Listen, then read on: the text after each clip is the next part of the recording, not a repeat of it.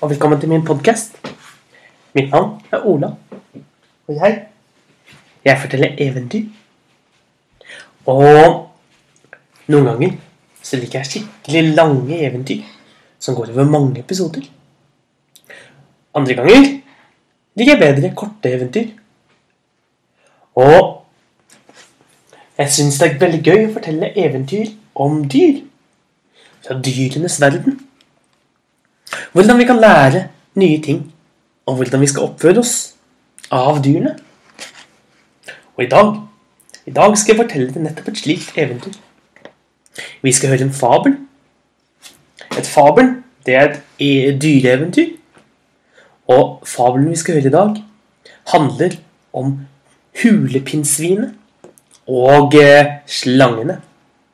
Og et hulepinnsvin, det er et pinnsvin med mange, mange pigger som bor under jorden. Det var en gang et hulepinnsvin som var ute og gikk. Det hadde ikke noe sted å bo. Og snart så begynte det å regne. Og hulepinnsvinet ønsket å finne et sted hvor det var godt og varmt og tørt. Hvor han kunne være uten at det regnet på han.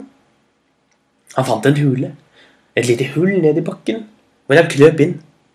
Der inne bodde det noen slanger. Og hulepinnsvinet spurte. Kjære slanger, kan jeg få lov til å bo her i denne hulen med dere? For det regner så fryktelig ute. Ja, sa de. Slangene var snille og lot ham få lov til å bli boende der. Men hulepinnsvinet hadde så lange, lange pigger som stakk slangene. Så, etter en stund, så spurte slangene. Dette går ikke lenger. Du stikker oss med alle piggene.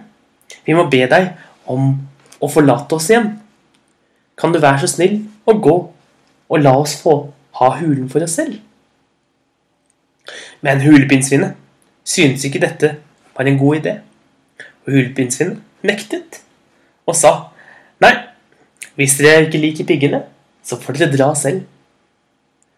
Og slik Slik ble det da til at hulepinnsvinet jagde bort de stakkars slangene som egentlig bodde i huset sitt, i den lille hulen. Og moralen i historien er pass godt på hvem du blir venner med, hva slags venner du får. Ha en god dag, så ses vi igjen en annen dag.